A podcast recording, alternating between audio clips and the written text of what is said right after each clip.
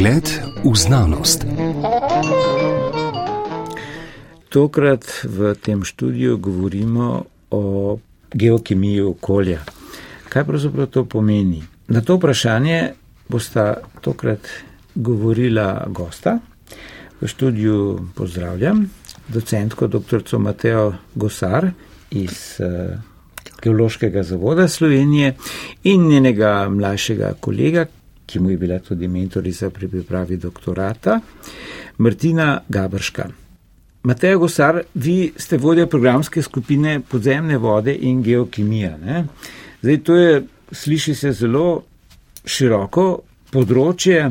Tokrat ne bi pa govorili ožje o geokemiji okolja. Ne? Namreč zakaj in kako? Geološki zavod razumemo tako kot neko napravo raziskovalno in se tudi uh, praktično, ne? ki se z rodninami, z mineralnimi eh, snovmi ukvarja in tako. Tukaj pa gre za ugotavljanje mikrodelcev, ki so v tleh glede na to, da tudi je tema Martina Gabrška bila celostna obravnava geokemije trdnih anorganskih delcev v urbanem okolju in eh, je v zahvali pravzaprav na en tak zelo resen način zabavno povedal, da se ukvarja s prahom ne? in da je na ta račun tudi veliko njegovih tako prijateljev kot sodelavcev se mogoče tudi iz drugih področji, nasmejalo. Ne. Zdaj, raziskovalec, ki se ukvarja s prahom, ne, tudi v prostorih, v hišah, v stanovanjih, ne, e, tega je več v urbanih sredinah, odstot tudi sklop urbana geokemija okolja. Ne. In kaj se pravzaprav skriva za tem, kaj zasledujete in e, kaj je objekt vaših raziskav, ko govorimo pač o tem, da je veliko prahu v mestih. Geološki zavod Slovenije je pravzaprav kar velika inštitucija, ki se v glavnem ukvarja z temeljnimi geološkimi, eh, bi rekla, vsebinami. Eh, del tega je pogotovo tudi področje geokemije in v bistvu ožje področje geokemije, kar je geokemija okolja. Eh, geokemija okolja se pravzaprav ukvarja z kemijskimi procesi, vsebnostmi in tako naprej različnih snovi in elementov v našem okolju. Okolje je pa to, kjer živimo. Geološko gledano pa lahko rečemo, da je okolje pravzaprav sticišče štirih oziroma petih pomembnih zemeljskih uh, sfer, kot so litosfera, atmosfera, uh, hidrosfera in biosfera in ne nazadnje tudi tako imenovana antroposfera.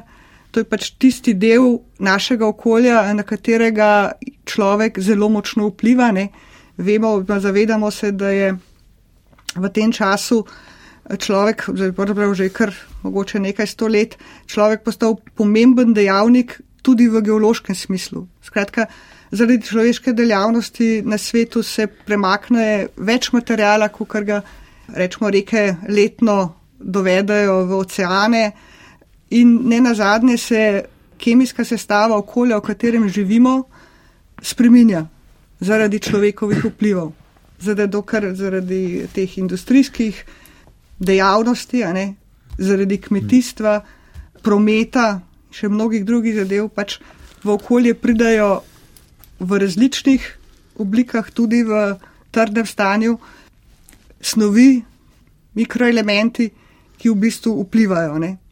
zato se v bistvu, ker se pač sestava naših tal, našega okolja spreminja, je v bistvu naloga geokemije okolja, da študira, kako se spreminjajo, kakšna je bila naravna sestava, da primerja, kakšna je bila naravna sestava pred človeškim vplivom, kakšna je danes, kako lahko umilimo vplive človekovih vplivov na okolje in kaj vse je pravzaprav v tem našem okolju potrebno študirati, da bi imeli dovolj dobre podatke, da bi vedeli, kako bi lahko pomagali okolju, da bi bili umilitveni mhm. ukrepi uspešni.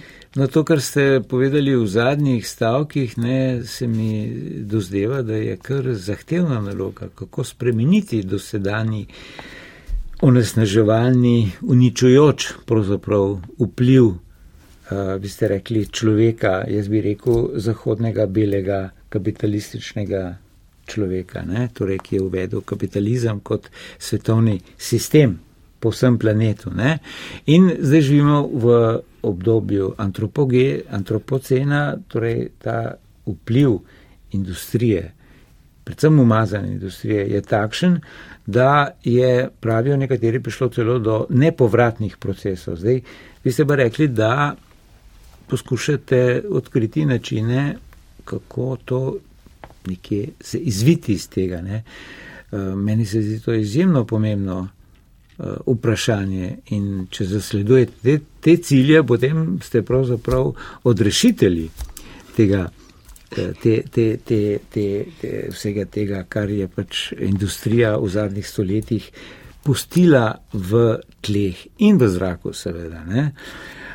Tukaj gre predvsem za anorganske delce. Ne. No, vi ste, Martin Gabršek, doktorat o celostni obravnavi geokemije trnih anorganskih delcev v urbanem okolju opravili tukaj v Ljubljani in vaša kolegica je bila mentorica. A, a ste zasledovali, ne mara tudi ta cilj, torej kako odstraniti obstoječe ostanke stoletji industrijskega onesnaževanja.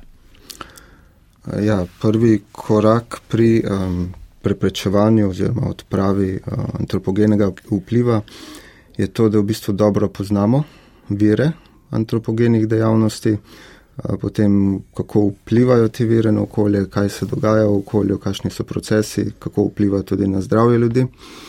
Tako da mi smo se poglobili predvsem v to, kako prepoznavanje virov, trdnih delcev, um, so, kakšne so lastnosti v različnih okoljskih medijih.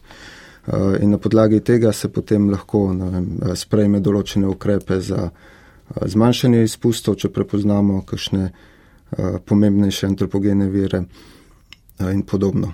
Kar se tiče preteklih bremen, je tudi pomembno, da jih, da jih odkrijemo, naprimer, če so kakšna stara odlagališča ali pa zelo onesnažena tla, da jih na nek način ali odstranimo ali um, poskušamo sanirati, preprečiti prašenje in podobno. Koliko ste doslej, zdaj vse, kar smo doslej povedali, je precej splošno, ne? odkrili nekje virov onesnaženosti s temi anorganskimi, recimo rudnik živega srebra v Idri, ne, ki je sicer že zaprt, ampak njegovi vplivi izpiranje, ne, ali pa v neposrednji okolici, to je lep primer, ne, so pa seveda še drugi, ne, o prahu v hišah bomo malček kasneje. Ne? Ja, tako je. Kje so eh, tiste najbolj uh, izpostavljena žarišča teh vplivov? Z našimi raziskavami v preteklih letih uh, smo v bistvu ugotovili, da je bil eden najpomembnejših dejavnikov širjanja kovin v okolje ravno rudarska dejavnost in z njo povezana predelovalna, se pravi metalurška dejavnost. Namreč v rudarskih krajih odkopa, odkopujemo rudo in potem pride do transporta, dobljenja in tako naprej. V bistvu je kar nekaj procesov, pri katerih lahko pride do kar velikih izpustov. Recimo, na primer, idrijski rudnik je deloval 500 let, sedaj je zaprt, tudi žganje rude je bilo zadnjič leta mm. 1995. Eh, z našimi raziskavami smo vsekakor ugotovili, da je vpliv tega rudarjanja močno jasno izražen skoraj v vseh okoljskih medijih. Recimo na področju tal smo gotovili, da sežejo te vplivi več kot 100 km delač. Eh, z modeliranjem na podlagi osebnosti tal smo gotovili, da je skoraj 20 km čezmerno nesnaženega in tudi ugotovili smo, da je bila ta pražarna oziroma v Idri so rekli to pilnica, ne, da je dajala v okolje v dveh oblikah in sicer kot prašne delce, o katerih danes govorimo, in kot hlapno H0, se pravi hlapno živo mm. srebro. In potem smo na podlagi ugotavljanja zvrsti v tleh in v podstrešnem prahu na kar precejšnjem ozemlju kolidrije ugotovili, da te prašni delci so se relativno prej usedli, ker pač enostavno zaradi sile težnosti. uh, medtem ko hlapni delci so šli dalje, še dalje kot tudi prašni delci ne? in zato imamo kar velik vpliv in na geokemične karte po razdelitvi živega srebra v tleh v Sloveniji vidimo, da je cela srednja, zahodna Slovenija v bistvu obremenjena z mhm. vplivi nekdanjega rodarjenja. No, živo srebro je ena od težkih kovin ne, iz periodnega sistema. Eh, katere so pa še druge najdene, ki so, eh, vi temu pravite, potencijalno strupeni elementi, ne, ki jih zasledujete v tleh? In seveda, mogoče bi malo kasneje tudi predelili, s kakšnimi metodami se jih lotevate. Ja, zdaj, eh, potencijalni sorpeni elementi so poleg živega srebra še cink, svinc, kadmi, arzen, uh, molibden, antimon, morda sem še kakšnega spustila. Mm. Uh, ne umenjam, da v slovenski zgodovini uh, je gotovo imel pomembno vlogo tudi rudnik živega srebra v Mežici, ki je deloval 300 let, kjer so pridobivali svineci cink, uh, po drugi svetovni vojni pa tudi molibden. To je bil tudi zelo velik rudnik, ki je v svoji zgodovini pač pustil posledice v okolju, podobno kot tudi Idrija. Eh, še vedno so v okolju deponije rudarskih odpadkov, ki imajo kar velike osebnosti, žvinca in cinga. Poleg tega pa je pač ob teh eh, topilnici, ki je delovala v Žerjavu, so v zrak prišli tudi veliki izpusti uh, dušikovih in žveplovih oksidov, ki so seveda imeli vpliv na uh, sestavo tal in tudi ozračja. Poleg tega pa seveda tudi prašne delce. Narava je v širšem okolju, okoli Zgornje Mižiške doline, pač močno nesnaženja in zaradi erozije in podobnih procesov, spiranja tudi iz teh deponij rodarskih odpadkov, v mežo še vedno se izplavlja material in se verjetno tudi bo še kar nekaj časa. Z našimi raziskavami smo gotovili, da reka Meža s svojimi sedimenti vpliva tudi na sestavo sedimenta v Dravi, tako da je vpliv kar velik. Zanimivo se tudi poplavne ravnice ob Meži, tudi v Bidrici prej smo imeli, ki v bistvu vsebujejo visoke vsebnosti teh kovin, eh, zato mogoče so še posebno zanimivo za raziskave. Koliko je ozemlja Slovenije v okolici potencijalnih izpustov težkih kovin, ki so strupene za organsko življenje.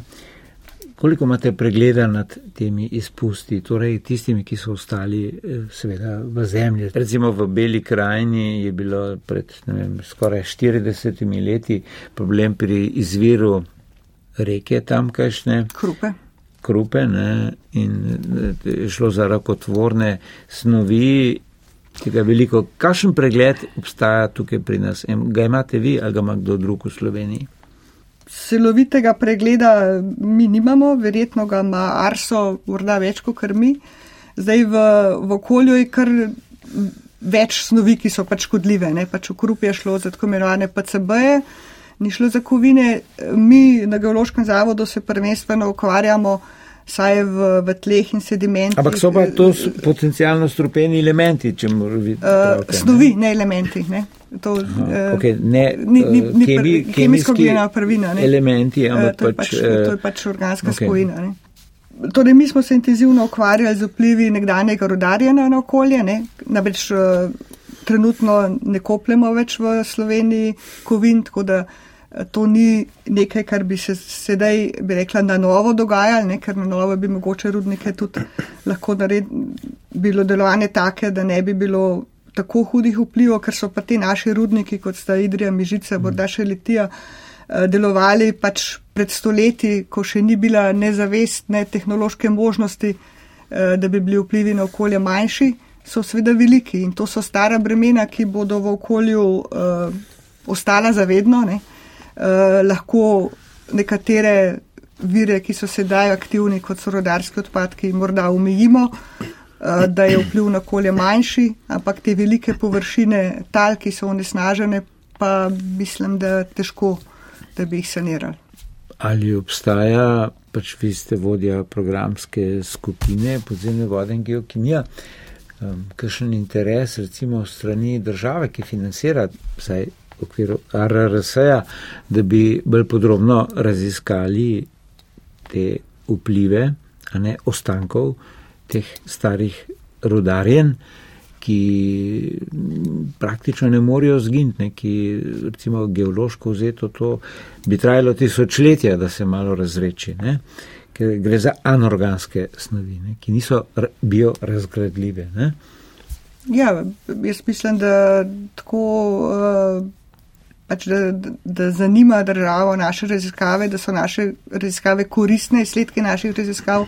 Sodelujemo tudi z Ministrstvom za okolje in prostor, sploh na področju redarskih odpadkov, ker se zavedajo, da je to pomembna tema. E, tako da, ja, zbiramo podatke, iščemo rešitve in dobro sodelujemo z razno raznimi inštitucijami. No, ena od uh, stvari, ne, s katero se ukvarjate, torej raziskovalno, je pač, in to je urbana geokemija, ne, ta prah po hišah. Martin Gabršek, vi ste ob tem se predvsej s tem ukvarjal in med drugim naprosil nekatere ljudi, da bi vam vrečke od sesalcev dali v raziskavo. Ne. Poti so različne, nekatere so bolj šalive, nekatere so najbrž eh, bolj resne, ampak eh, kaj ste odkrili, da je v tem prahu, ne? ker vi tam svetujete v zahvali, da ne ljudje kar čistijo ta prah, ne? kar sklepam, da je potem ne bi bil zelo škodljiv za zdravje. Ja, eh, mi smo preučevali več tipov prahu, cestnega, podstrešnega in stanovanskega.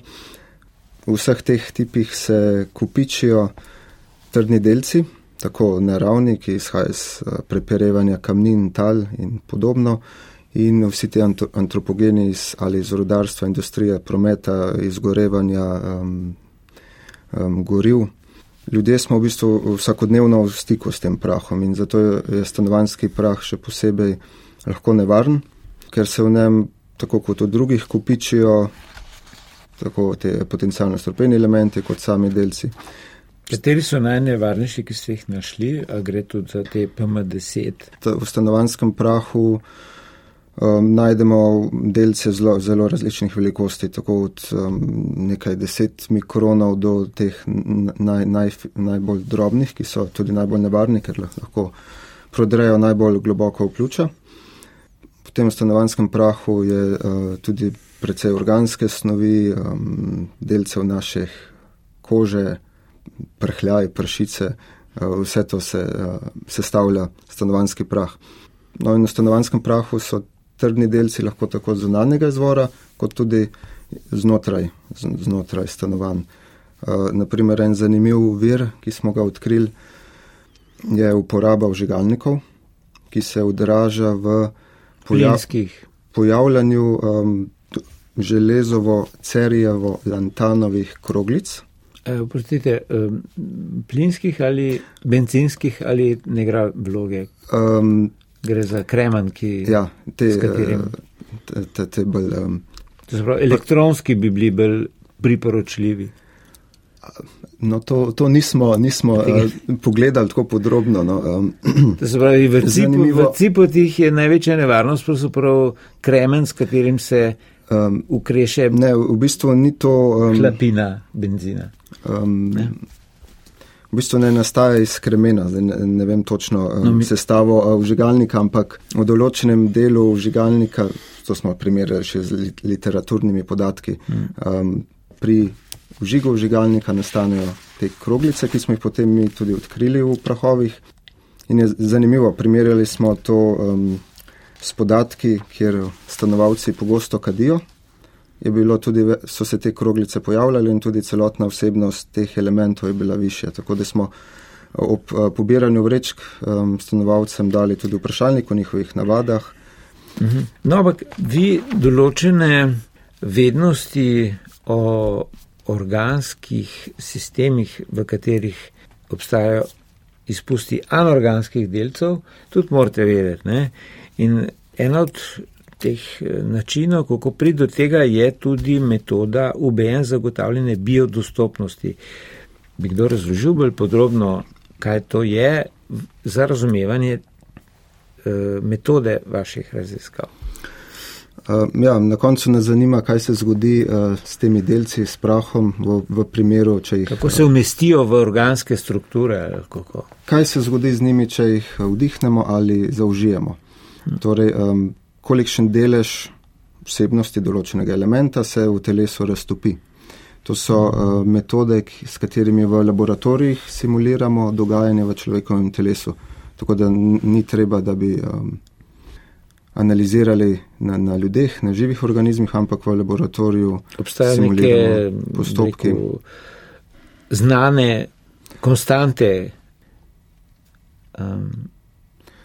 Ja, če še um, razložim tole metodo UBM, ki ste jo prej omenili, simuliramo dogajanje v prebavnem traktu, torej um, predvsem je tukaj pomemben pH.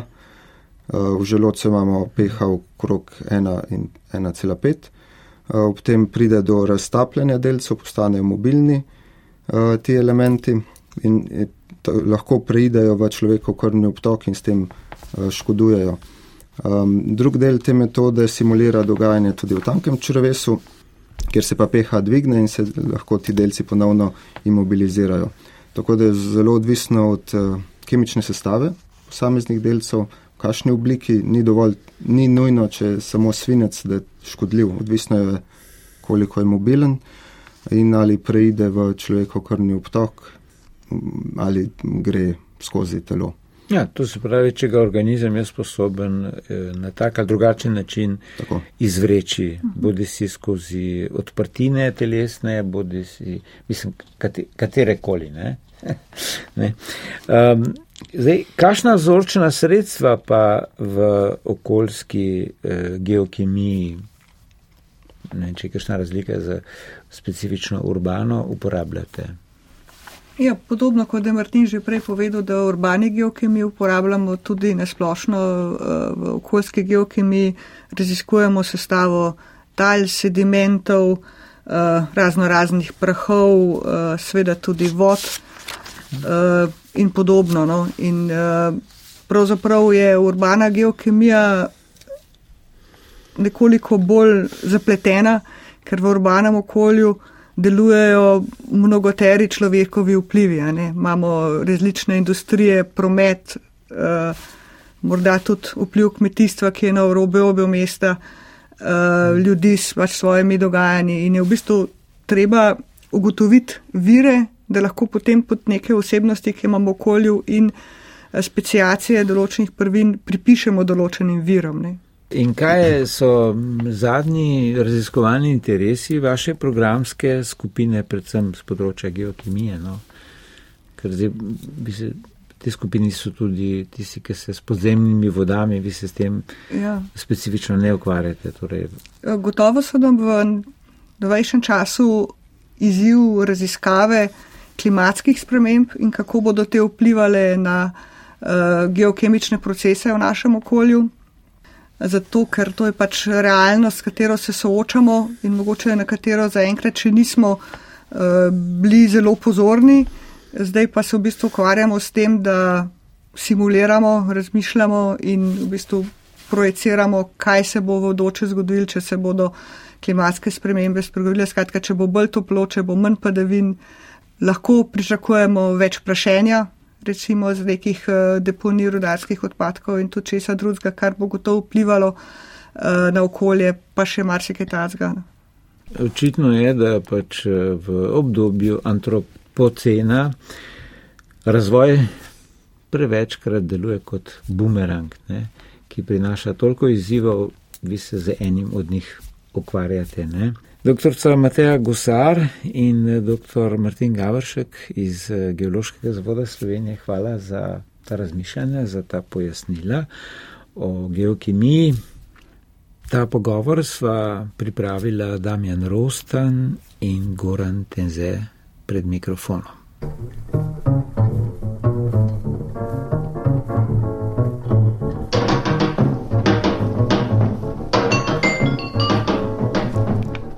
Pogled v znanost.